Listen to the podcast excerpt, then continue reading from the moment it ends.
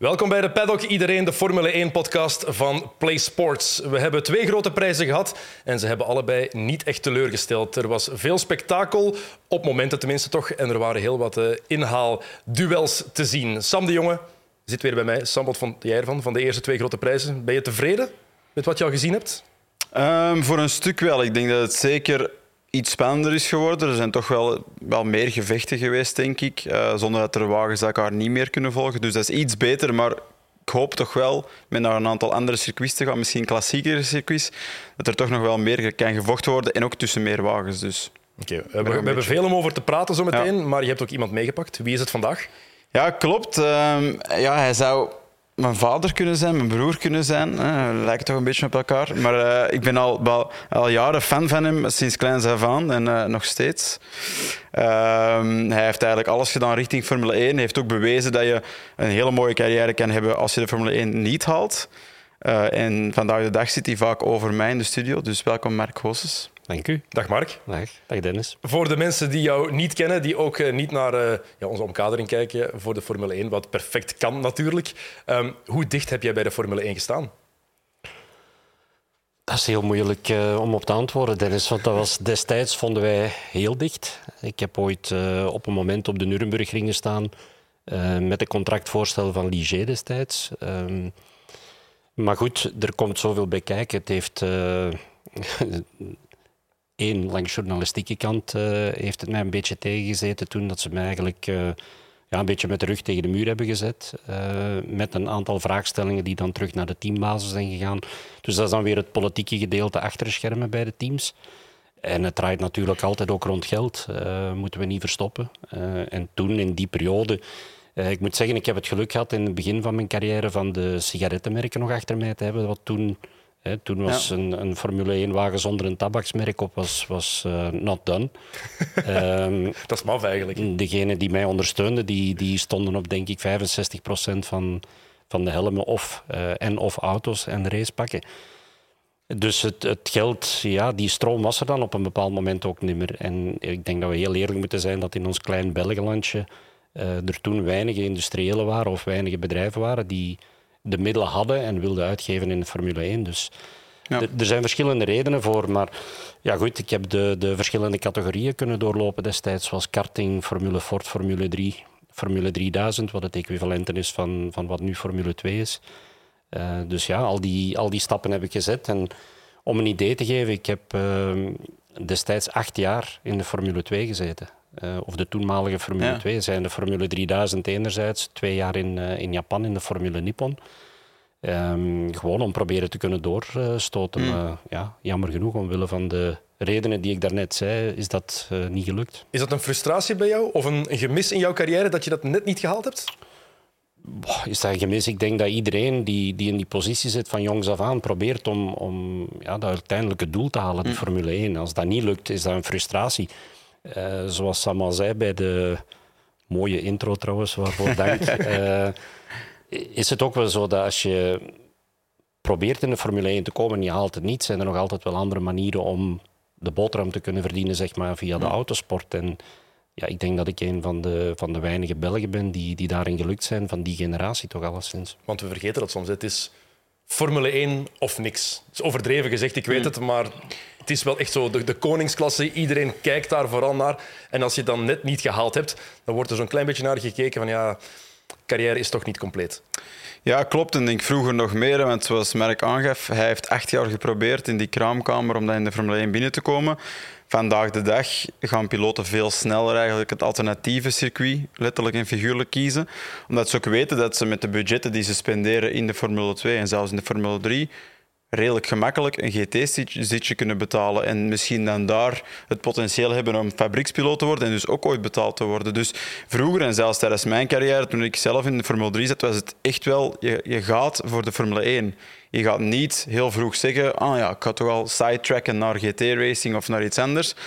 Je ging zo ver als je kon en dan achteraf ging je met al die ervaring wel zien of dat je misschien nog ergens anders aan de bak ging kunnen. Maar wanneer weet je ook dat het niet gaat lukken? Wanneer weet je, oké, ik moet mijn, mijn focus op iets anders leggen, want mm. ik ben er bijna, maar die stap zetten, het gaat niet lukken, het geld komt er niet, zit er niet in. Maar ik denk, ik denk dat je dat heel snel voelt. Hè. Vooral financieel dan, want je, je kan jezelf in nesten werken ook natuurlijk. Hè. Je kan een hoop schulden eh, creëren door, door contracten te tekenen terwijl de sponsorgelden er niet zijn. Uh, maar ik wil het toch wel nog een beetje bijsturen, want, want uiteraard is het zo dat ze nu vroeger of op jongere leeftijd een andere piste kiezen, hè, dus een, een alternatief gaan kiezen van kampioenschap. Maar ik ben begonnen toen ik 15 was. Ik bedoel, Nu, de dag van vandaag, zitten ze op hun 15 in de Formule 3. Ik bedoel, maar het is, het is heel Je het landschap. Je begonnen eh, toen je 15 was? Ja, ik ben, ik ben in principe beginnen rijden toen ik 14 was, maar toen was er nog een minimumleeftijd in België dat je pas mocht racen vanaf 16. Ja. En het jaar nadien, toen ik 15 was, werd die minimumleeftijd gezakt naar, of hebben ze toen laten zakken naar 14. Dus veel vroeger kon je niet. Mm. Ik bedoel, ik ben van dezelfde generatie bijvoorbeeld aan Michael Schumacher. We zijn van exact hetzelfde jaar. Hij is begonnen op zijn acht jaar in Duitsland, waren de reglementen gewoon helemaal anders. Dus zelfs op dat vlak hadden we in België een beetje een achterstand. En dan zie je ook dat ja, een generatie die 10, 12, misschien 15 jaar later kwam dan mij, die waren allemaal begonnen op een vier of een vijf jaar met karten. Dus, en dan spreek ik over de Alonso's van deze wereld. Dus ik, ik wil maar zeggen, vroeger begon ik eraan in de karting op mijn 15. Tegen dat ik de autosport inging was ik 2021. En inderdaad, nu hebben de jongens van 2021 een fabriekscontract bij de GT's. Ja, was Max Verstappen dus- was al vijf jaar Formule 1-piloot op zijn 21ste. Absoluut. Dus ik wil maar zeggen, het is inderdaad zo dat er nu veel meer rijders zitten in die, mm. in die poelen die proberen in sportscars, in GT's of in prototypes te rijden. Maar ze zijn er ook allemaal mm. veel vroeger aan begonnen. Ze hebben bij wijze van spreken al mm. meer jaren gereden op die leeftijd dan, dan wat ik deed destijds. Dus dus het is helemaal veranderd. Ik denk niet dat je, dat je de situatie van toen kan vergelijken met nu. Hoe, laat, hoe oud was jij toen jij begonnen bent met, uh, met rijden? ik ben op mijn zeven begonnen met indoorkarten. Maar dan eigenlijk het echte racen leer je maar in outdoorkarting. En mijn ouders kenden dat totaal niet. Dus daar ben ik begonnen op mijn 13, bijna 14. En toen kwam ik in de generatie van Doorne, de Van Toors, uh, uh, Felix da Costa, Frans. Dus een hele snelle lichting. Maar die waren toen al vier, vijf jaar in, vanaf de minis eigenlijk bezig met outdoorkaarten. Dus ik was er ook redelijk laat. Dus die hadden al een voorsprong eigenlijk? Ja, ergens al een voorsprong. Um, maar ik denk wat Mark zegt klopt. Er is een verjonging, denk in algemeen in topsport. Hè. Een verjonging. En ze willen natuurlijk teams en sponsoren die willen jonge mensen die kneedbaar zijn, die ze nog ergens kunnen manipuleren, naar hun hand zetten. En dat kan op die leeftijd, want sorry, wat weet je van de wereld? Je bent nog geen volwassene. En ik vind dat ergens ook allemaal veel te extreem gegaan is. Uh, Max Verstappen heeft dat gemanaged omdat hij nu eenmaal een uitzonderlijk talent is en gedrild was door zijn vader. Maar niet iedereen kan ook tegen die mentale druk. Ja, als je dus, kijkt ook nu inderdaad, de Formule 1-grid, het zijn bijna allemaal ofwel echt superjonge gasten, onder de, rond de 24, die generatie of mm. iets jonger, of dan de paar of oude oudere mannen die zo'n grote, ja, maar die zo'n grote naam zijn dat ze niet genegeerd kunnen worden. Fernando Alonso, Lewis Hamilton, Sebastian Vettel, ja, daar kan je gewoon niet omheen. Maar bij hun was het net hetzelfde toen zij jonger waren. Die zaten ook in, in datzelfde bootje, zeg maar. Ik bedoel, toen, in mijn periode, toen we karting reden, ah, dan moest je eerst de eerste stappen zetten in de autosport, laten zien hoe goed dat je was, om bijvoorbeeld die tabaksgiganten, om die te overtuigen dat ze jou moesten binnenhalen. Dan kwamen ze scouten. Ik herinner mij nog toen uh, Rosberg en Hamilton karten, uh, ik denk dat ze tien jaar waren of zoiets in de kleuren van AMG reden. Dus Mercedes zat er toen al mee achter om die jongens groot te brengen. Dus, en dat is nu bij die andere teams ook. Hè. Zelfs bij, bij de kleinere Formule 1-teams of diegenen die minder middelen hebben, die gaan hun jonge piloten al, al zoeken op, hun, op hun zeven en acht jaar in de kartsport. Ja, weet je dan echt al of iemand talent heeft? Op zo'n jonge leeftijd kan je dan al zien, oké, daar moeten we ons achter zetten. Zeven, acht jaar is toch super Of geld.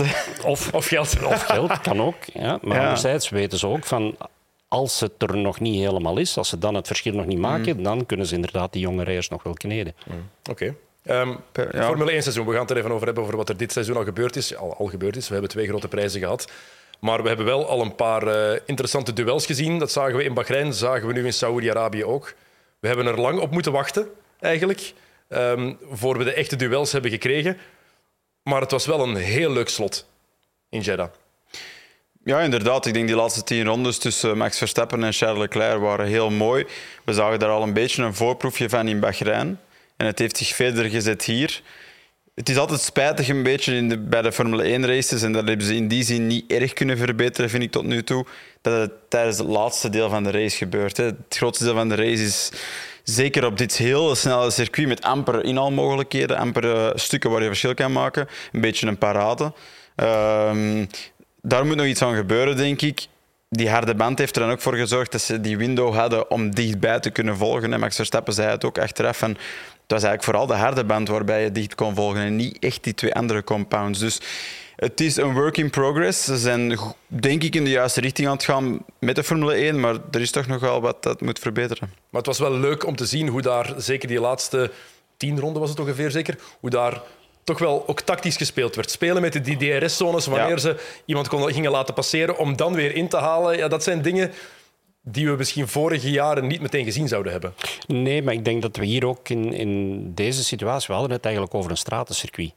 En dan mag je niet vergeten dat de grip bouwt op, want er komt meer en meer rubber te liggen tijdens die wedstrijd.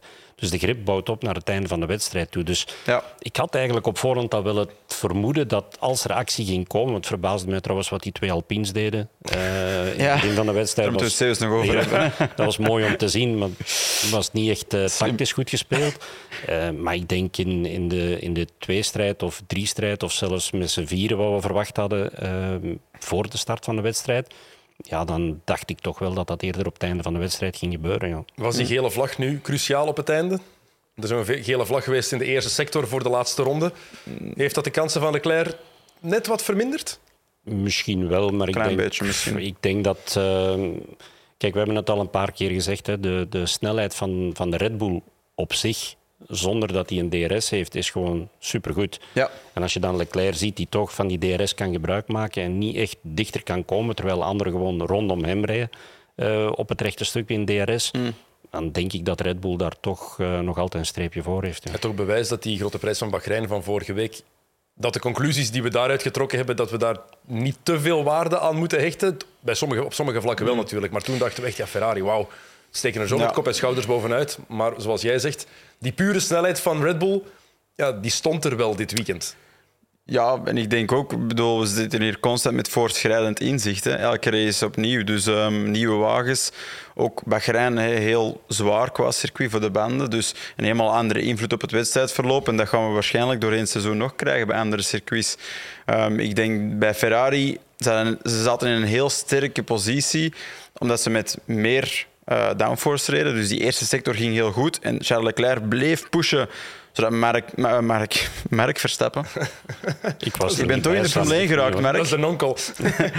Zodat Max Verstappen eigenlijk niet in die DRS-zone kon komen. Maar we wisten eigenlijk allemaal dat zij met een lager downforce pakket, als ze in die zone zouden geraken, zouden ze erover gaan. En dat is wat er uiteindelijk gebeurd is. En dan kon Ferrari niks doen. Absoluut. Maar het was wel hard, maar ook fair, de duels, denk ik. Ja, hard. Ik denk dat eh, het, het vooral hard gespeeld werd net voor die lijn van Ja. de DRS-zone. Ik bedoel, de, de inhaalmanoeuvres en, en het verdedigingswerk was bij wijze van spreken niet extreem hard. Er werd, er werd fair gereest en, en eh, ze wapenen zich de een tegen de ander. Maar ja, het ging vooral over die, die DRS-lijn voor die laatste bocht. Is dat de teams die dat ook mee ingeven, of is dat puur de piloot zelf die dat moet inschatten en beslist? Ik denk dat die piloten op dat moment eh, Ja. de ene probeert slimmer te zijn dan de andere. En dat is gewoon dat is een gezonde rivaliteit. Ehm, alleen, ja, eh, gisteren tijdens de uitzending hebben we het ook gezegd. Ik vind het niet ongevaarlijk. Hè, want stel je voor dat er nog een. Stel je voor, ze dubbelen net iemand en, en ze rijden voor een gedubbelde die zich daar absoluut niet aan verwacht. Ja, dat zou voor een, voor een gigantisch ongeval kunnen, Ja. kunnen zorgen. Dus ik vond die DRS-lijn niet op de juiste plaats liggen. Maar ik denk dat ze daar vanuit de Formule 1 misschien ook wel een les uit leren naar de toekomst toe. Want als die lijn aan de apex ligt van de bocht, Voilà. dan heb je dat niet. En dan heb, maar dan, moet krijg je kiezen, misschien hè? weer terug meer strijd op het einde van Ja. het rechte stuk. Dat zou wel kunnen. Oké, wordt Maar- interessant. Het is ook wel de laatste keer dat we daar gereden hebben, zeker, Ja. hè? op dit Misschien. circuit. Misschien. Misschien, hè? Misschien, het is nog niet ja. zeker, denk ik. Hè? Ehm, Normaal Blijk- gezien was het de laatste keer. Ja, blijkbaar zijn ze aan een heel groot complex eh, aan het werken en het bouwen. ginder. En, en er mag absoluut niks meer zijn van, eh, van bouwwerf, hè, om het zo maar even te noemen. Ja. Eh, vooraleer dat de wedstrijd Ja. mag gestart worden op een nieuwe circuit. Of dat nu afhankelijk is van het circuit of van de rest van de infrastructuur, dat, dat zullen we nog moeten afwachten.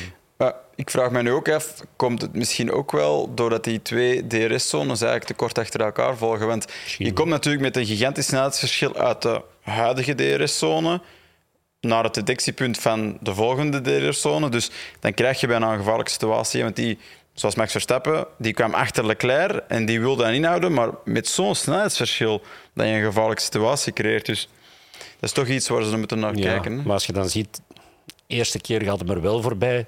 Ja, dan weet hem dat hij met DRS terug voorbij gestoken Ja. wordt op het rechte stuk. Dus de tweede keer wil hij er niet voorbij. Ja, en als je dan ziet hoe dat Leclerc even parkeert. Ja.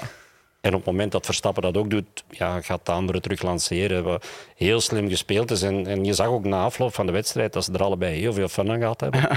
Uh, maar Het goed, was vorige week ook zo, na Bahrein, het Ja. interview eh, van Leclerc. Verstappen die kwam af. Oké, ja, Verstappen die was uitgevallen, maar die kwam nog wel langs om te zeggen... Dat was fun.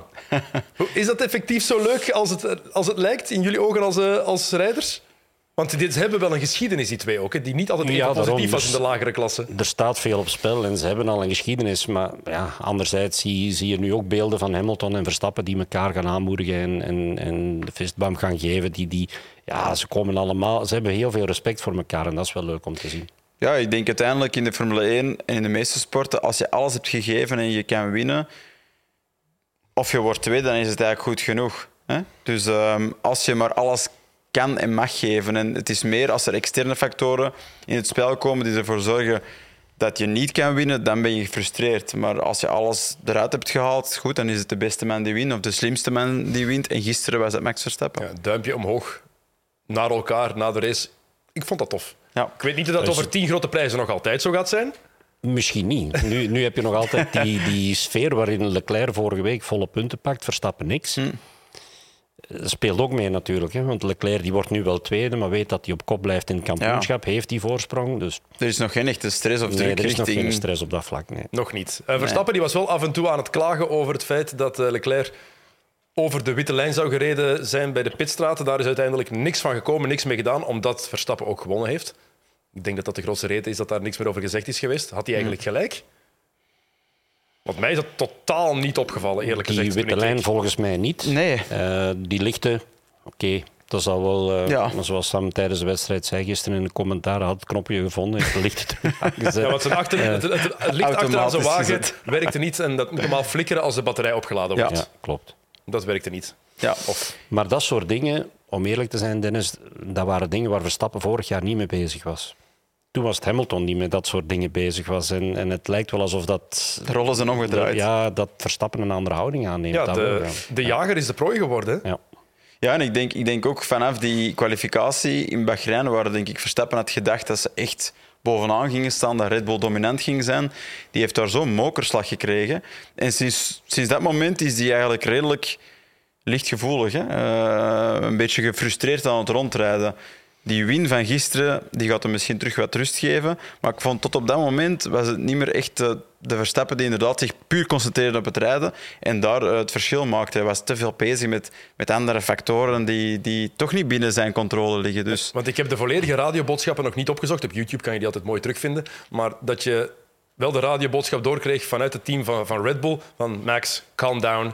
Dan weet je dat daarvoor Ja. nog veel meer, veel meer dingen zijn gezegd die Get wij nog niet it. gehoord hebben. Hè? Get Ja. on with it, dat was eigenlijk de boodschap. wij doen onze eh, job en wij hebben ook gezien als er iets fout loopt, niet reglementair is, jongen, vooruitkijken. Dat is gewoon, eigenlijk is dat gewoon zeggen, laat ons gewoon met rust. Doe, doe jij uw werk, wij doen dat van ons en laat het. En zo moet het ook zijn. Zo moet het ook zijn. Ja. Ehm, heeft Red Bull een fout gemaakt bij de pitstop van Perez? Of is dat gewoon pech dat daarna die, eh, die safety car kwam? Sowieso pech dat die safety car komt. Hè. Die timing was niet goed. Team voor hem. Eh, ook niet voor Gasly trouwens, hè, die in, eh, in eenzelfde situatie zat. Hebben ze zich een beetje laten vangen? Ja, misschien wel. Misschien zijn ze te enthousiast ingegaan op die boodschap die er kwam bij, bij eh, Ferrari. Ehm, anderzijds, ja, ze zitten ook met een bepaalde strategie en met de bandentypes waar ze mee rijden. Ehm, die wil je natuurlijk niet te veel laten afwijken. Dus misschien was het ook wel hun timing om binnen te komen. Dat, dat, dat gaan we natuurlijk niet weten. Maar het lijkt er in elk geval op dat ze de boodschap van Ferrari horen en daarop, eh, en daarop reageren. Ja. Ofwel is het heel goed gedaan van de regie. Dat is ook goed mogelijk natuurlijk. Van, we gaan dat nu even droppen. En ah, toevallig is dat na de pitstop. Ah, jammer. Dat al gehoord hebben. Dat ze tegen Perez gezegd hebben... Ja. Checo, box, box. Maar en dan... ze, ze ze zijn ook effectief gaan klaarstaan bij Ferrari. Dus ze hebben echt, eh, zoals ze zelf zeiden, Red Bull een dummy verkocht. Was het zo? Inderdaad, het is een beetje de vraag. hè. Gingen ze het echt doen? Gingen ze het niet echt doen? Achteraf is het natuurlijk leuk om te claimen dat je het, dat je het zo gezegd ging doen en dat Red Bull ervoor is gevallen. Maar in ieder geval is voor eh, Sergio Perez, die vandaag denk ik zijn naam verandert in Sergio Pejes. Ja, dat, die heb ik gisteren Eh, gehoord. Dat Gert Vermers daar niet op inging, omdat het woordmopje van je... Maar ik mocht, ik mocht er niet te veel maken. Had hij, had hij op voorhand gezegd tegen mij en niet binnen de twee minuten van elkaar of zoiets? Hij? En ik heb het een aantal keer toch gedaan en, en daarmee heeft hij mij beginnen negeren is. Dus de laatste keer dat uh, Geert in de paddock heeft gezeten. Uh, het is wel staf minuut 20 en het is pas je eerste woordmopje, dus terughoudend. terughoudend. Gas geven, je hebt nog 40 minuten. Je hebt nog 40 minuten. Nee, maar allee, los daarvan, ik denk voor Sergio Perez is het uh, wel frustrerend. Een mooi weekend voor hem. Hij had kunnen winnen, toch? Hij had kunnen winnen. Had hij gewonnen? Ik weet het niet. Ik heb wel het, nog altijd het gevoel dat zowel Charles Leclerc als Max Verstappen. Hij zijn natuurlijk de leading men bij de desbetreffende teams. Um, hadden die op het einde nog iets meer verschil gemaakt dan Sainz en Perez misschien wel? Ik weet het niet. Het is moeilijk te voorspellen. Hè? Maar de, je zegt het nu wel, de leading man. Dus Sainz is nummer twee. We zijn twee grote prijzen ver en het ligt vast. Is Sainz nummer twee en Leclerc één?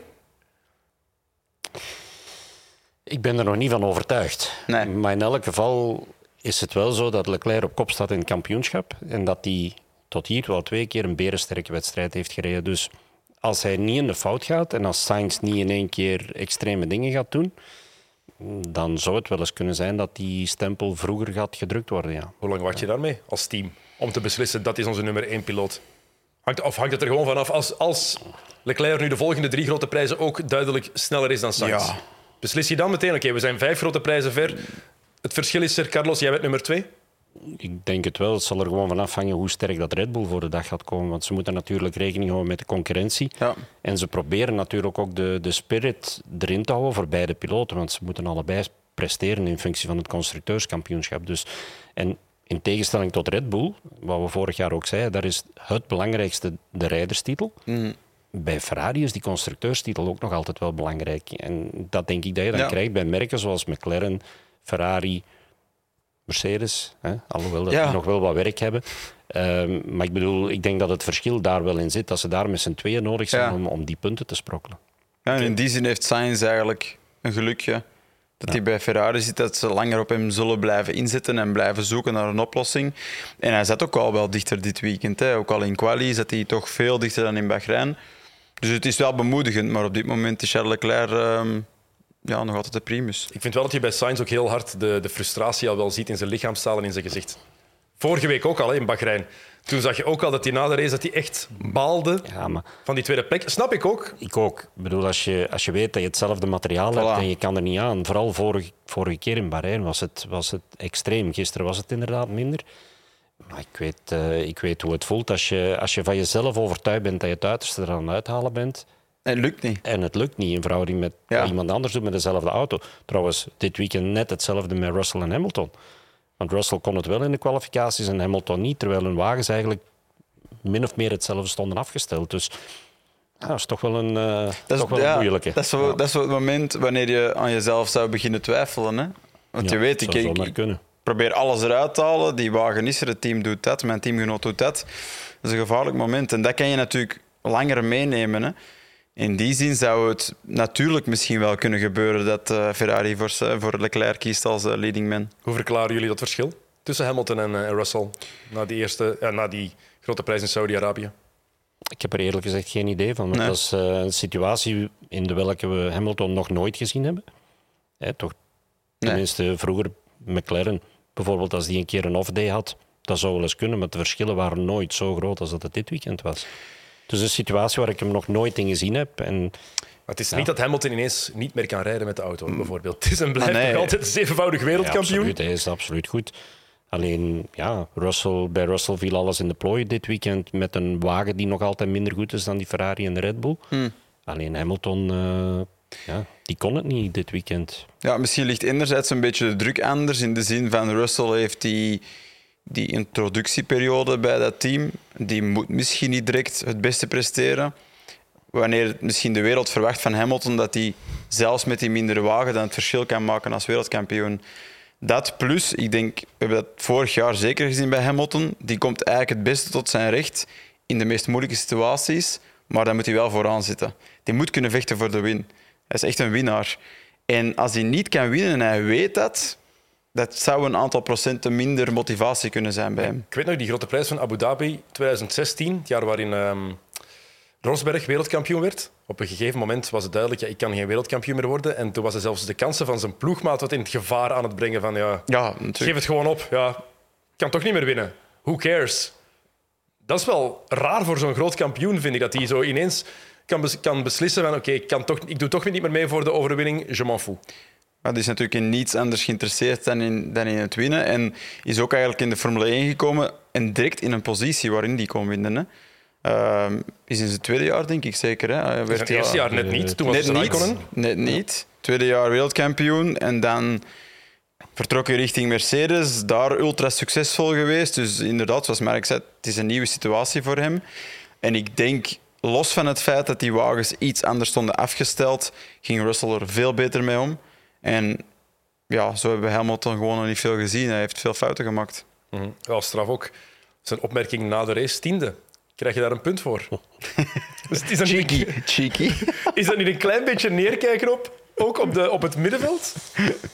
of ligt dat of Ja, misschien wel. verkeerd? Misschien wel maar, maar goed, welke uitspraken moet hij wel doen? Ik denk dat eender, eender wat dat hij nu zegt is, is gewoon fout. Hè, of Ja. kan fout geïnterpreteerd worden. Maar kijk, ik weet dat zij, zij moeten intern gewoon het hoofd koel houden en proberen verder te werken. En, Russell gaat er op dit moment gewoon iets beter mee om. Maar hoe kan het eigenlijk voor een team als Mercedes? Tot de Wolf die zei ook van ja, het is onaanvaardbaar. Het niveau dat we nu halen, het lijkt wel alsof het terug 2013 is bij dit team. Maar vooral, dit team is wel het team dat net zeven jaar gedomineerd heeft.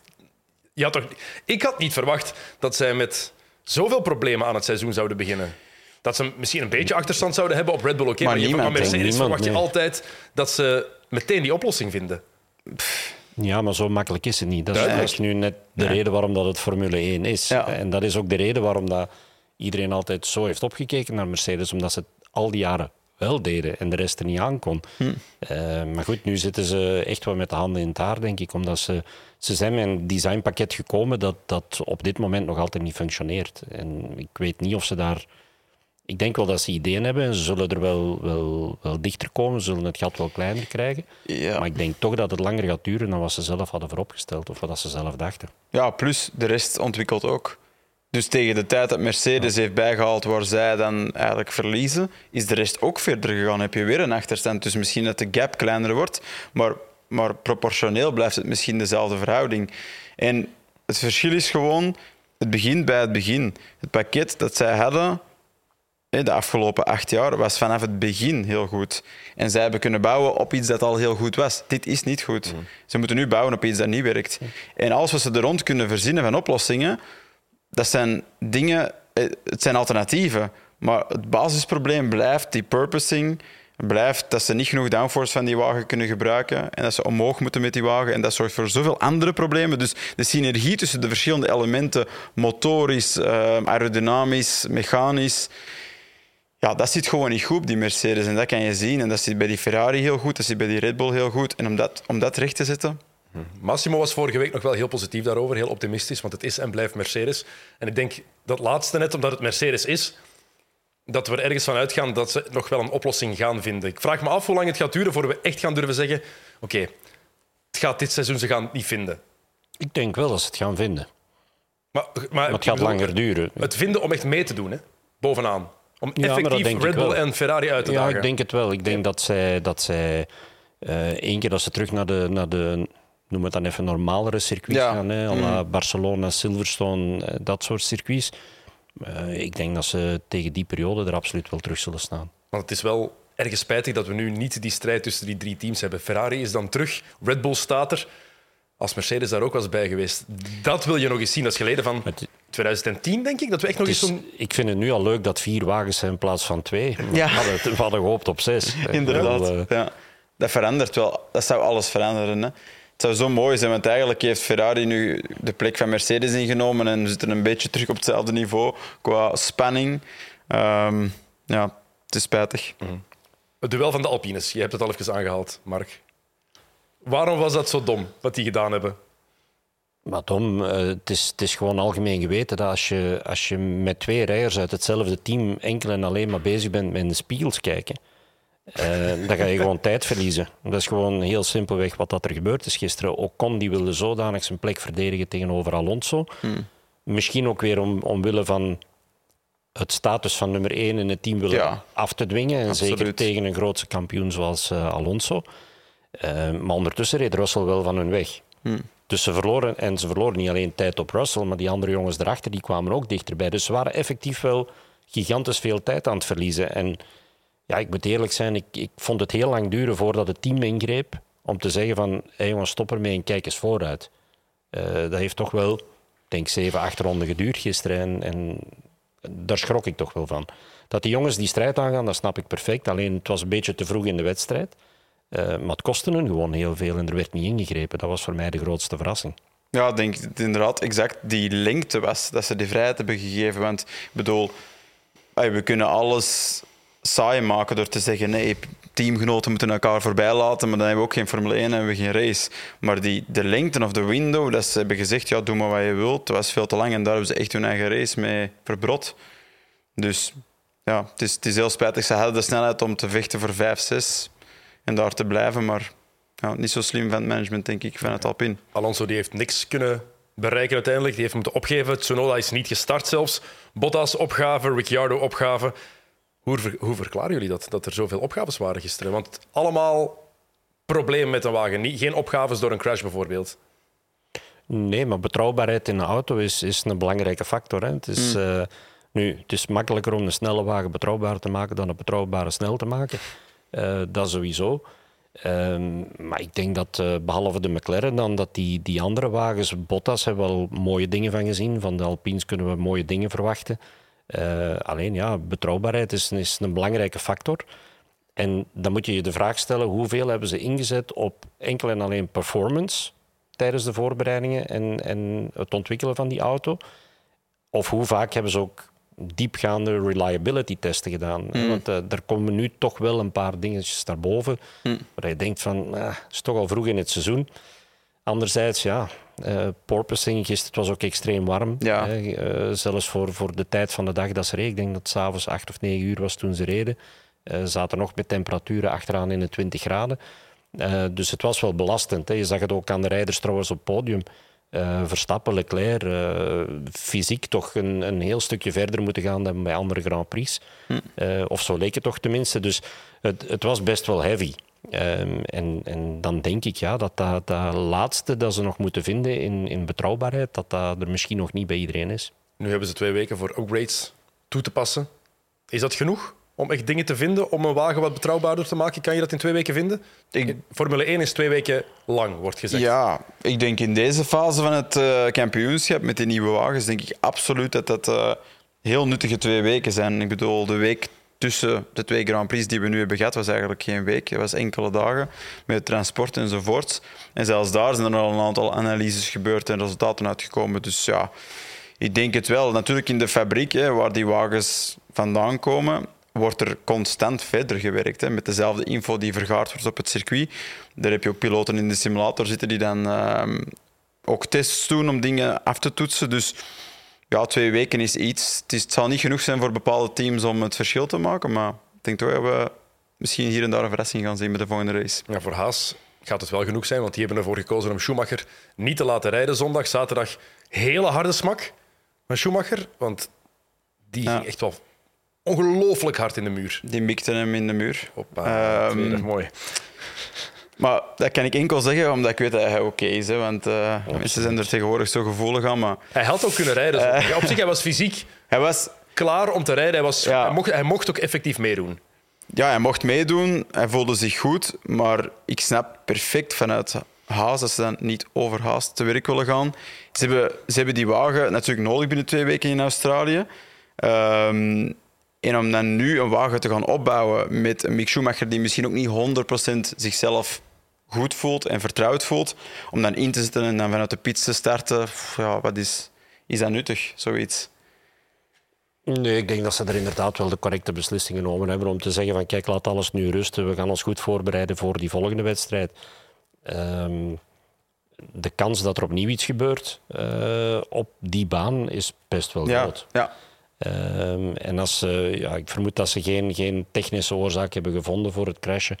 Uh, het leek mij meer een, een, een, effect van te fel proberen in twee bochten ervoor, waardoor het wagen uit balans komt en dat hij hem eigenlijk nimmer, hmm. net niet meer kan corrigeren wanneer hij uh, naar die curbstone gaat. En dan in volle overstuur gaat en, en de muur meepakt. Ja. En zich willen bewijzen, ongetwijfeld ook. Hij heeft gezien dat Magnussen het vorige week zo goed gedaan heeft, nu weer goed aan het doen was. Ja, het gaat ook een rol gespeeld hebben. Ja, waarschijnlijk wel. En, je ziet nu nog een verschil in ervaring tussen een Magnussen en, en, eh, en een Schumacher. Maar ik vind dat hij zelf eigenlijk ook wel goed op weg is. Ja. Ik vind dat hij, dat hij heel goede resultaten Ja. neerzet. Eh, misschien wel beter dan wat dat velen gedacht hebben. Maar ja, goed, dan komen we weer terug op hetzelfde. Hè. Net zoals een Piastri en andere piloten. Als je in de Mazepin ook, hè, als je in de Formule 2 toch min of meer voorin zit, eh, dan ben je voor mij een goede rijder. En Ja. dan, eh, Hij bewijst wel dat het meer is dan enkel de naam Schumacher. Waarom hij een plek gekregen heeft. Het heeft een grote rol Ja, gespeeld, sowieso. Maar absoluut. het is niet alleen dat. Allee, het heeft natuurlijk een gigantische waarde. En als het ooit op een Ferrari-bolide kan staan, dan is het helemaal kassa. Eh, dus dat weet iedereen binnen de Formule 1. Ehm, ook de, de vorige president, Jean Todt, die weet dat ook heel goed. het zijn allemaal factoren die meespelen. Maar ik denk wel dat we hem credit moeten geven voor het feit dat hij... Hij is een, eh, een slimme jonge kerel. Is misschien intrinsiek niet de snelste, maar is iemand die werkt en, en, en open-minded is en hij komt slim over. En ik, dat vind ik toch wel krachtig. Je moet toch ook omgaan met die druk van die Schumacher-naam. En dat doet hij nu mooi. En niet onderschatten... Die druk, die druk moet inderdaad ook echt Ja. niet onderschatten zijn. Hoor. Die, die druk is gigantisch. Plus dan nog eens een Magnussen die ook erg goed is. Oké, die heeft heel weinig voorbereidingstijd gehad. Ehm, die wordt misschien nog wat beter door in het seizoen, of waarschijnlijk nog wat beter. Maar dat is wel echt direct een straffe kerel die naast je zit. Maar dat gaat toch net voor die extra druk zorgen ook. Er komt er een piloot aan die die voorbereiding Hmm. niet heeft meegemaakt, die niet had verwacht dat hij een kans ging krijgen Hmm. dit jaar. Die komt daaraan en die doet het meteen beter dan jou. Maar dat is een opportuniteit. Hè. Ik vind het een opportuniteit eerder voor Magnussen dan een, dan een threat. Tuurlijk, nee, ik heb het over Schumacher. Voor Schumacher. Ja. Voor Magnussen is het een kans, inderdaad. ben- ja, maar, maar voor Schumacher vind ik het zelfs... Het, het zit druk, hè, maar ik vind dat het positieve druk zit. Want hij heeft eigenlijk hier een kans. Een kans die hij met Mazepin niet had. Om... Hij heeft iemand om zich aan op te Voilà. trekken. Hij heeft een kapstok eh, binnen dat team. En, en dat, dat klopt ook gewoon. De reden waarom dat Magnussen er staat, is omdat hij minder druk heeft. Bij wijze van spreken geen druk, want niemand verwacht iets. Hij wordt last minute gebeld om te komen, stapt in en doet zijn ding. Gebaseerd op zijn ervaring. En als je dan ziet dat, eh, dat, dat Schumacher wel de juiste stap in de, in de goede richting aan het zetten is, ja, dan, dan kan hij alleen maar mee profiteren van die ervaring Voilà. van Magnussen. En dat had hij inderdaad in het verleden niet. Had hij evenzeer een nieuwkomer naast zich. En ja, ik denk dat hij nog wel, eh, nog wel heel wat ruimte heeft om te kunnen groeien Hmm. binnen dat, binnen, en binnen Haas. En naar de toekomst toe voor andere teams ook. Die Ja. crash nog wel eens bewijs hoe stevig de wagens ook zijn geworden. Of Stevig, nee, hoe veilig ze zijn geworden voor piloten. Stevig niet, want het was Ja. helemaal uiteen, die maar dat wagen. is, ja, dat, is een dat- goed teken, Dat inderdaad. is de bedoeling. En Mark heeft dat ook uitgelegd denk ik, in de studio. Van natuurlijk, hoe meer dat die energie kan verspreiden, hoe minder dat die in de cockpit terechtkomt op het lichaam En van de met deze piloot. wagens is dat nog, hebben ze daar nog extra op Ja. ingezet. 15% meer eh, 15%. impact als het fronta een frontale Ja. botsing is. Langs de andere kant, ik bedoel, eh, de FIA is natuurlijk snel om dan zo hè, een statistiek op beeld te gooien en van wij hebben de wagen sterker gemaakt. Langs de andere kant hebben ze niet echt rekening gehouden met hoeveel, sorry, hoeveel lager dat die wagens liggen en dat die curbstones eigenlijk, zeker in die bocht, te hoog zijn. Hè. Vroeger hadden we die rake, die achterkant die veel hoger stond dan de voorkant. Die wagens die in de bocht ook niet zo laag kwamen. Nu komen die wel lager en die bottomen uit. Dus die, die, die raken met de vloer daar de rand van die curb, de luchtstroom wordt onderbroken, die wagens worden omhoog gegooid en richting de muur. Dus het is ergens dubbel. Hè. Ze hebben ergens het goed gedaan, want ze hebben de wagens beter gemaakt, maar ze moeten ook wel verder gaan denken dan ze nu hebben gedaan en ook circuits hier en daar gaan aanpassen, denk ik. Ik denk dat je daar ook verschillen gaat zien dit jaar tussen Formule 1 en Formule 2. Want in de Formule 2 gebruiken ze dat grondeffect niet. En ik denk dat dat een heel ander resultaat gaat leveren. Op dat vlak tenminste. Anderzijds, ja, ze hebben de wagens veiliger gemaakt, maar ook de circuits. De, de, de muur is ook toch wel... Er is heel veel gewerkt eh, aan veiligheid, ook op dat vlak, eh, sinds een aantal jaren. En gelukkig maar, want een klap zoals Schumacher nu had en dat hij zanderdags geen last heeft van zijn rug, 33G, hè. Ja. 33G. dat is toch eh, redelijk concreet. En, en ook de Halo, hè. Ja, Die- maar wat, wat, wat Mark, sorry dat ik je onderbreek, maar dat hij geen last had de dag erna. Ja. Dat, is, dat is belachelijk. Positief belachelijk. Maar hoe kan maar dat, is ook zelfs? zo, hè? Mark heeft 's ochtends meer last van zijn rug als die uit bed Wij komt dan, allemaal, dan, dan-. Nee, maar dat, dat is absoluut zo. Dat is, eh, en oké, op een bepaald moment ook een stukje slijtage. Want eh, als je al 30 jaar in dat soort van auto's rijdt, Voilà. heel hard afgeveerd Ja. of zelfs niet afgeveerd in tijden van karting, eh, dat weegt gewoon letterlijk op de rug en de nek. Hmm. En als je dan nog eens een paar keer een klapper hebt gehad, destijds eh, toen we geen handsysteem hadden, eh, de zijkant van de cockpit kwam, kwam bij wijze van spreken lager dan de schouders hè, destijds. Dus het heeft allemaal een evolutie gekend. En, en effectief, het is gewoon zo. Je staat elke dag op met pijn in de rug. En dat hij na zo'n klapper als gisteren, gisteren bijna. het niet heeft. Ehm, ik, ik, ik was al blij dat hij, dat hij kon bewegen, dat hij zelf uit de auto kon komen, dat soort dingen. Maar dan denk je toch nog altijd van ja, de dag nadien of twee dagen later zal hij het wel voelen. Maar dat, dat is dus effectief niet het geval geweest. Gelukkig maar. gelukkig maar. er zijn ook een paar teleurstellingen natuurlijk. Eh, En er lijkt daar al een trend te zien te zijn. Ehm, Aston Martin, Williams en McLaren. De drie teams die toch wel teleurstellen. Mercedes powered. Mercedes Ook. powered, ja. McLaren, de zevende plaats voor Norris, maar die zevende plaats... Beetje een, beetje een pleister op een houten benen. Ja, de, de klassieke Britse teams waar je het zeker niet van verwacht. Eh, maar natuurlijk, die Mercedes Power heeft er denk ik wel veel mee te maken. Ehm het zitten allemaal ergens met een fundamenteel probleem. Ik denk Williams moeten we minder spreken van een groot probleem. Er is een gigantische herstructurering geweest. Is ook niet dat ze op één jaar tijd alles kunnen omgooien. Voor mij de grootste, de grootste teleurstelling blijft McLaren.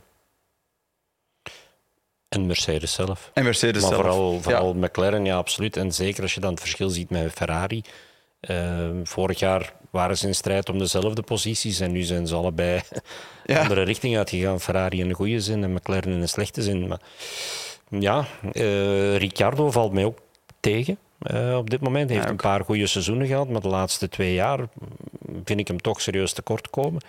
Eh, maar het team, het team kan ook niet... Het lijkt alsof dat ze geblokkeerd zitten, dat ze niet echt verder komen. Dat is straf, want zoals jij zegt, Sam, vorig jaar was het duel Ferrari-McLaren. Twee jaar geleden was McLaren zelfs op weg naar de top terug, leek het wel. En ze gingen weer een uitdager worden. En dan nu die terugval, ja, na de moeilijke jaren die ze gehad hebben. En het, wa- het waren niet maar twee moeilijke jaren, het waren vijf, zes moeilijke jaren voor McLaren. Moet dit heel hard aan, moet echt een klap zijn voor de mensen in de fabriek ook, denk ik. Want je hebt dan die positieve elan, die is weer ingezet.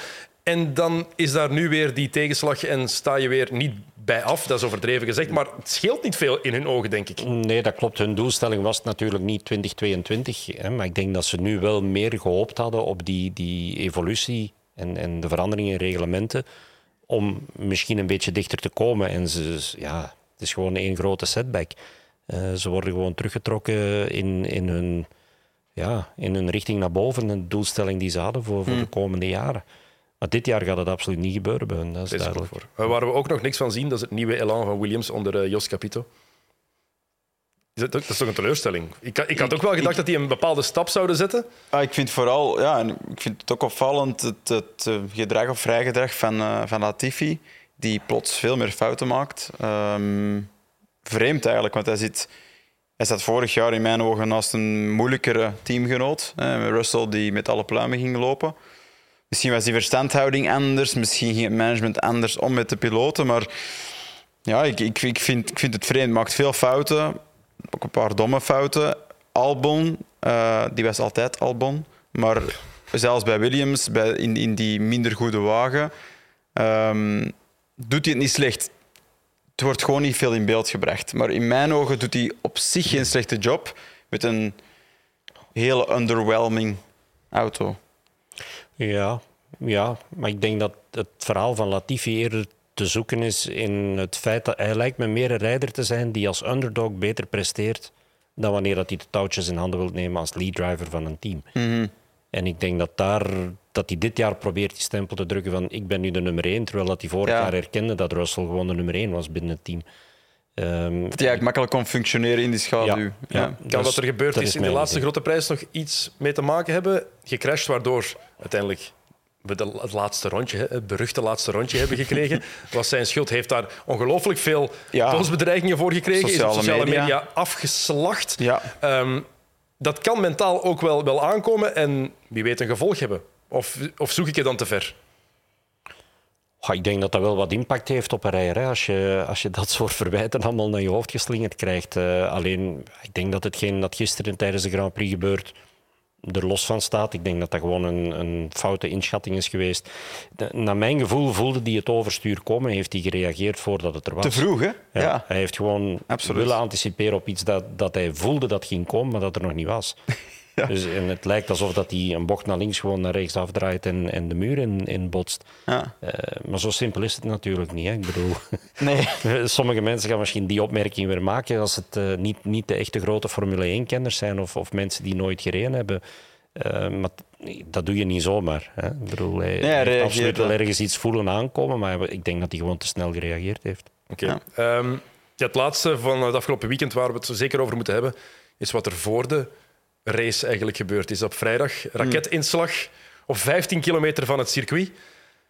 Vijf piloten wilden blijkbaar niet rijden, is toch gebeurd. Ehm, de namen heb ik niet gezien. Ehm, de Saoedische regering heeft dan hen gegarandeerd dat het afweergeschut op punt stond voor zaterdag de, de kwalificaties, blijkbaar niet voor vrijdag. Oké, prima. Eh, dus voor zondag was het blijkbaar ook in orde. Ja, sorry, maar dat is toch een absurde situatie. Wat daar gebeurd is. Op 15 kilometer. Het is, het, het is absurd omdat het natuurlijk nu heel dichtbij komt. En het komt nu in de scope hè, van de Formule 1. Eh, het gebeurt natuurlijk al jaren. Dat is, dat is geen argument. nee, maar ik bedoel, het tellen het feit dat het zo dichtbij ge- gebeurt. Dat de kans is. En dat ze dan gewoon nog zeggen: Ja. oh nee, we gaan gewoon doorrijden. Ja, ja, er hangen natuurlijk heel veel politieke belangen aan vast, heel veel contracten. Ehm, er zijn lange gesprekken geweest. ook. Ja, commercieel. Commerciële ook. Voilà, ik bedoel, dat heeft een gigantische impact. Dus ze zullen er lang over gepraat hebben. Ik bedoel, het is een hele brede ethische vraag die we ons moeten stellen, die de Formule 1 zich moet stellen, van doe je zoiets? We zien denk ik de laatste jaren in topsport overal dat er meer en meer in die richting wordt gegaan. Als het, wordt over gekozen. ethiek, als het over ethiek gaat, dan kunnen Voilà. we heel veel vragen stellen. Het is Ja. WK in Qatar. En dit jaar, we hebben Ja. gereden in Saoedi-Arabië. Ik bedoel, het zou makkelijker zijn bijna als er een soort van humanitaire index wordt gebruikt als, ehm, ehm, moet het zeggen, ehm, als referentie om te kunnen zeggen gaan we naar een land en niet het geld dat wordt gegeven. En als je kan zeggen, ja, er worden daar zoveel mensen vermoord door, eh, door of de overheid of door oorlog of dit, dan gaan we niet. Maar natuurlijk, in een hele mooie wereld zou dat zo zijn, maar in zo'n wereld leven we niet. En de Formule 1 is, is, is een sport die natuurlijk voor een groot stuk ja, gerund wordt door groot geld. Doorheen de geschiedenis is dat nu eenmaal zo gegroeid. Dat is hun, dat is hun manier van business doen. Dus ja, Snappen jullie de beslissingen? Snappen jullie dat er effectief dat ze beslist hebben, we gaan door? Puur persoonlijk. Ik weet, we snappen het als het gaat over het financiële, als het gaat over het, het logistieke, alles wat daarbij komt. Maar Ja, als, maar als puur- piloten. eh, Puur persoonlijk had iedereen moeten doen wat daar Ralf Schumacher gedaan heeft. Dat is maken dat je wegkomt. Maar al die andere factoren die je net opnoemt, die bepalen mee een persoonlijke reactie. ja. Die rijders die zo geknokt hebben om op dat niveau te staan, ja, die gaan niet naar huis als er morgen wel gereden wordt. Simpel is, want ben je zit je kwijt.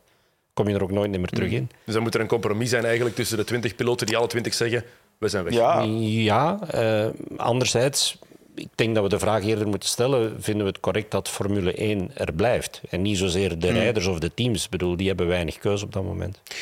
Ja, ik denk dat dat inderdaad een hele belangrijke nuance is. En om, om uit te leggen, denk ik het gevoel dat autosporters in de bredere zin zelfs soms hebben. Omdat dat is zo'n moeilijke sport om überhaupt ergens te slagen, ergens geld te verdienen. Met alle respect voor andere sporten waar je toch puur op talent veel niet gemakkelijker er geraakt, maar je hebt meer kans om er te geraken.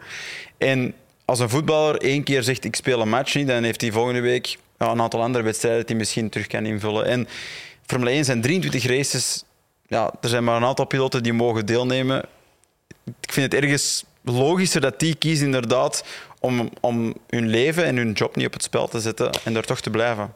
Om even mee te geven, dit weekend was er een voetballer die papa is geworden. Als morgen Max Verstappen een Grand Prix niet gaat rijden omdat hij papa wordt, of Lewis, Lewis Hamilton niet, of Leclerc, dan zal die de z- wedstrijd daarna wel terug in de auto zitten.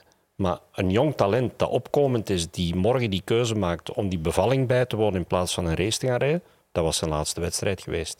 Ja. Daar ben ik absoluut 100% zeker van. Twee maten veel gewichten. Ja, absoluut. Om dat zo maar, dat zo Een maar te zware bevalling. Hoppa. Kijk, je bent bijna aan het aantal. Jij bent. Nou, je zit aan het eh, aantal van vorige week. Je hebt eh, even gas gegeven, dat is mooi. Eh, vorige week heeft eh, Massimo Bottiglieri hier mooi uitgelegd eh, wat porpoising is Ja. in eh, mensentaal, in lekentaal. En ik dacht van, ja, misschien is dat wel tof om dat wat door te trekken. Ehm, ik heb zelf nooit geraced. Ik weet niet hoe een hoe je een motor uit elkaar of in elkaar moet houden, de technische kant. Dat is, ik hou van Formule 1, van autosport, maar die kant ben ik een leek in. Dus leek het mij wel interessant om elke week zoiets eruit te pikken en dat wat uit te leggen in, in gewone mensentaal. Voor mensen die nooit echt in de autosportwereld gezeten hebben. En ik hoorde jou iets heel interessants zeggen dit weekend, uh, Sam. Um, dat er heel clean gereden werd vooraan over uh, Leclerc en Verstappen. Dat ze ja, clean reden en daardoor die banden echt spaarden. Nu, ik ben extra beginnen opletten om te proberen zien hoe je dat ja. ziet. Ja, kijk, voor het ongetrainde oog is dat heel moeilijk. Net zoals jij misschien andere dingen in het basketbal minder zou zien als ik zou zeggen dat is daarom dat dat voor jou minder zou, zou opvallen. Ik ken er geen bal van. Uh, oh, mooi, ik ken er geen bal van. Uh, uh, maar hoe zie je dat? Hoe zie je dat iemand clean rijdt en dat hij effectief zijn banden spaart? Ja, ik wil zelfs een beetje wel de uitleg van Mark ook horen, want die, die zal er ook wel iets over kunnen zeggen. Maar um, wat voor mij is het gewoon... Um, ja, hoe zeg je, vaak zeggen we, je bent op je sokken aan het rijden. Uh, je bent heel proper en heel doordacht aan het omgaan met elke input die je geeft aan de wagen. Hè. En daar heb je eigenlijk drie um, dingen waar je mee werkt. Het stuur, rempedaal, gaspedaal.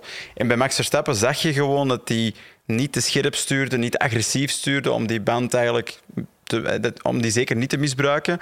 Maar ook het gaspedaal. Bij remmen zie je dat misschien iets minder goed. Uh, tijdens de race en tijdens een quali-lap gaan ze natuurlijk wel heel ver. Maar zeker het gaspedaal, hoe, hoe rustig dat ze dat opbouwen om toch minder wheelspin te hebben enzovoorts dat is, vond ik, hoe je kon zien, ook in de snelle secties, hoe proper dat hij reed, zo weinig mogelijk frictie veroorzaken op die wagen om één snel te blijven, maar toch ook die band niet te veel ja, op te warmen. En frictie is het juiste woord. Ik bedoel, als je straks frictie gaat, als je wrijving gaat creëren met die band op het asfalt, en dat is dan de stuurbeweging, hoe, hoe relaxer dat je dat doet, hoe, bij wijze van spreken, hoe meer dat je met twee vingers stuurt in plaats van bruske krachten te gebruiken op het stuurwiel, uh, gaat helpen. Uh, wat gebeurt er als je meer frictie gaat geven? Dan ga je meer temperatuur stoken in die banden. Je gaat meer rubber verliezen, want je duwt het allemaal op de weg, hè, bij wijze van spreken, om het heel simpel uit te leggen. Maar anderzijds heb je dat ook aan de achterkant. Je kan dat doen met de manier van gas geven. Als je heel progressief op het gaspedaal gaat, dan ga je nog altijd een goede acceleratie hebben. Natuurlijk minder extreem dan wanneer je in één keer vol op het gas gaat. Maar je gaat dan ook weer aandrijving, achterbanden, wordt zodanig belast. En dan zie je bijvoorbeeld in die laatste paar ronden, wanneer ze in die laatste bocht echt snel genoeg willen accelereren om perfect die DRS te kunnen gebruiken, dan zag je op het einde van de wedstrijd dat die auto's allemaal in overstuur gingen, die achterkant ging verloren. En dat is het moment dat ze net die extra kracht op die achterwielen gaan duwen. En als je dat vijf ronden te vroeg gaat doen, ja, dan schiet er op het einde van de wedstrijd niks meer over van die banden. Dus in, in uithoudingsraces heb je dan nog meer. Hè, want dan kan je straks door, door progressief gas te geven of te coasten bij het remmen. Hè, door niet vol gas te blijven gaan tot de remzone en dan vol in de remmen. Maar iets vroeger al uit het gas te beginnen komen. Iets langer te wachten om dan minder brusk te remmen. dan ga je enerzijds excuseer, de, de banden minder gebruiken. Je gaat minder van de remmen vragen. En je gaat minder benzine verbruiken. Bijvoorbeeld Le Mans is zo'n mooi voorbeeld. Het is een baan van 13 kilometer.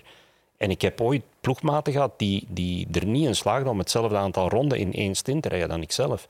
En dan hebben we het in, in Le Mans gaat het dan over, hè, pak maar 13, 14 ronden. Hmm. En dat waren gewoon jongens die, die na 12 ronden moesten binnenkomen, terwijl wij er bijna 14 konden doen. We kwamen op 13 binnen om geen risico te nemen. Maar er zit gewoon heel, heel veel verschil in. En nogthans zijn die rondetijden daarom niet extreem veel sneller. Hmm.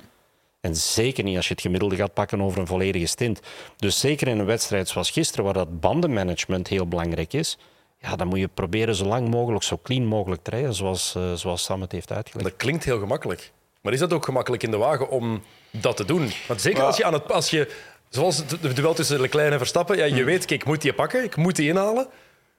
Dan is het toch niet evident in mijn ogen om die, die rust te bewaren het clean rijden is niet moeilijk, maar het clean snel rijden wel. Hè. Ik denk dat op een bepaald moment, als je leert om proper te rijden, dan is het natuurlijk wel de bedoeling om het in combinatie te doen met een redelijk goede rondetijd. En daar ligt de moeilijkheid van toch die efficiëntie te vinden, van misschien iets meer te rollen in de bocht, iets vroeger van het rempedaal te komen, maar minder laat te remmen. Waar je dan ergens, ergens ga je onderhandelen tussen de elementen die je hebt uh, met de wagen en met het circuit.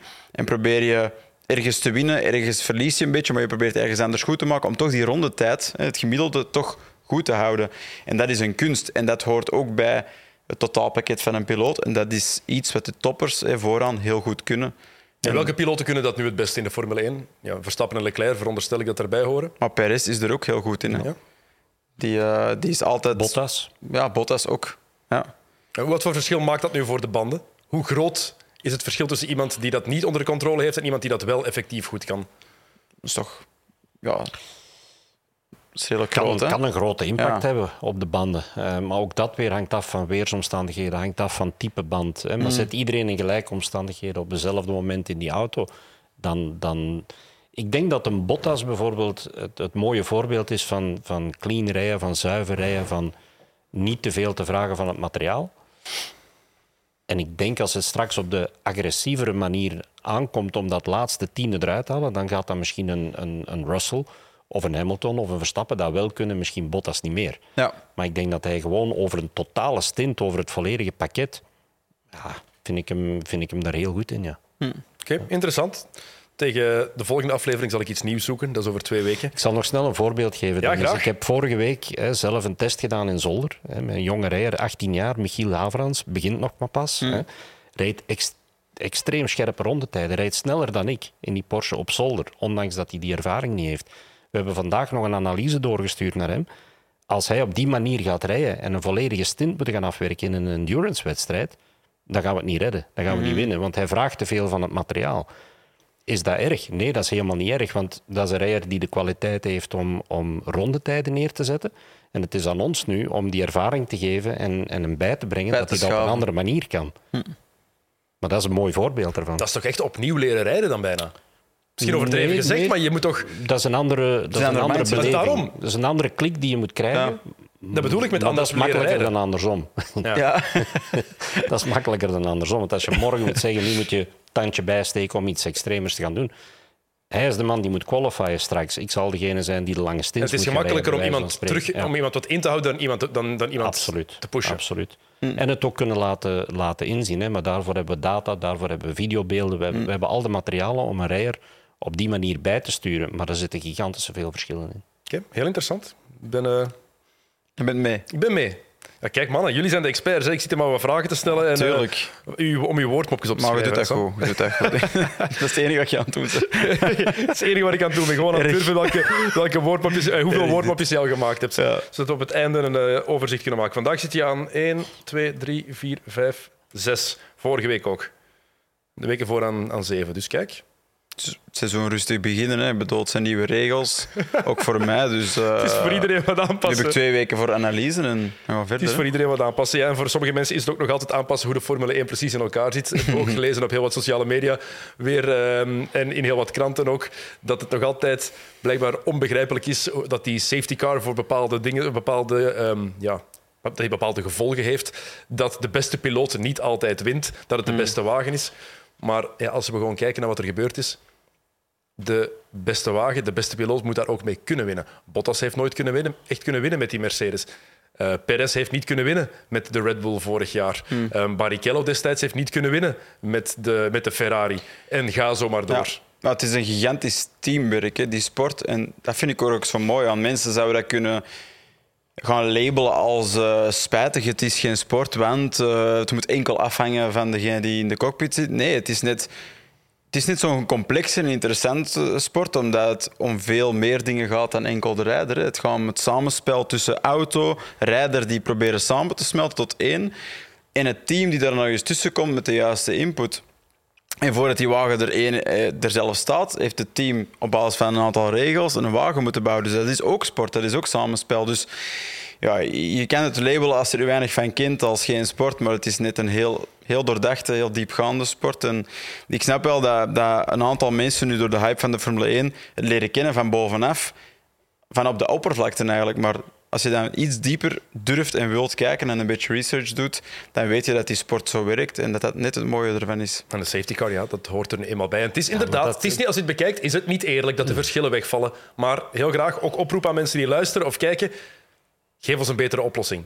Want wij willen het graag ook weten. Hoe kan je het oplossen in plaats van een safety car te gebruiken? Er zijn geen opties, denk ik. Inderdaad, daar om te beginnen. En er zijn regels. En in elke sport zijn er regels. En, en die moet je volgen. Voilà. Eh, hoe, hoe dat zo kan omschreven zijn, Ja. die teams passen het toe. Dus, dus de- er is geen discussie mogelijk, denk ik, op dat vlak. Oké, eh, Sam, speel jij nu voor de Heibels of is het Nieuwmoer? Bessema, hè, Bessema, als, eh, als tennis. Oké, beste merkje. Alleen mensen uit Kalmthout gaan dit snappen. Dat is even heel erg. Oké, goed. Eh, over twee weken is er een eh, nieuwe grote prijs, die van Australië. We gaan eindelijk terug naar Melbourne. Ik ben daar heel enthousiast over, eerlijk gezegd, dat we daar terug naartoe gaan. Niet per se voor het circuit, maar alles, daar is Nee, altijd maar zoveel het is, het is beleving. de vibe, het is, het, is de, de, ja, het hele pakket, hè, heel de entourage. Dus eh, ah, absoluut, eh, iedereen zou tevreden moeten zijn dat het circuit, dat het circuit terug in de kalender eh, is opgenomen. Absoluut. ja. Oké, wat krijgen we daar? Ferrari, Red Bull, de revival van Mercedes. Wat wordt het? Ik denk Mercedes nog niet. Nee. Eh, niet in Melbourne. Eh, ik denk dat, we- dat we ja, nog een paar Grand Prix extra moeten wachten. Maar het zal absoluut teruggaan tussen, tussen Ferrari en, en Red Bull. Oké, goed. Je Ja. bent het ermee eens? Absoluut. Ik zie je gewoon knikken. Het zijn mensen die ook alleen luisteren, hè, Sam, dus die zien jou niet Ah, sorry. sorry. Ja, Dus, eh, ik was aan het knikken al vijf minuten. Want, eh, dat klopt wat Merk zegt. Hè. Eh, ik denk dat er... We hebben nu gezien, die twee teams die, die, die zijn duidelijk vooraan. Een duidelijk verschil tussen de rest en hen. Dus dat zal nu al zo blijven. En zoals gezegd, twee weken om te analyseren. Dus misschien hier en daar een eh, kleine verrassing, hopelijk wel. Oké, mannen, dikke merci om erbij te zijn vandaag. Mark, merci om naar hier te komen. Graag gedaan. Eh, over twee weken is er de grote prijs van Australië. Die kan u live volgen op Play Sports. Dat is allemaal heel vroeg, eh, maar dat is de moeite om naar te kijken natuurlijk. En eh, wij zijn er dan ook weer bij. En de paddock is er volgende week niet, want wij zijn er enkel na een grote prijs. Maar dus over twee weken zijn wij er opnieuw op maandag voor eh, de be- nabespreking van de grote prijs van Australië. En eh, opnieuw wat uh, leken taal. We zullen het zo maar noemen. Goed, iedereen bedankt om te kijken of om te luisteren of om allebei te doen. En graag tot over twee weken. Salut!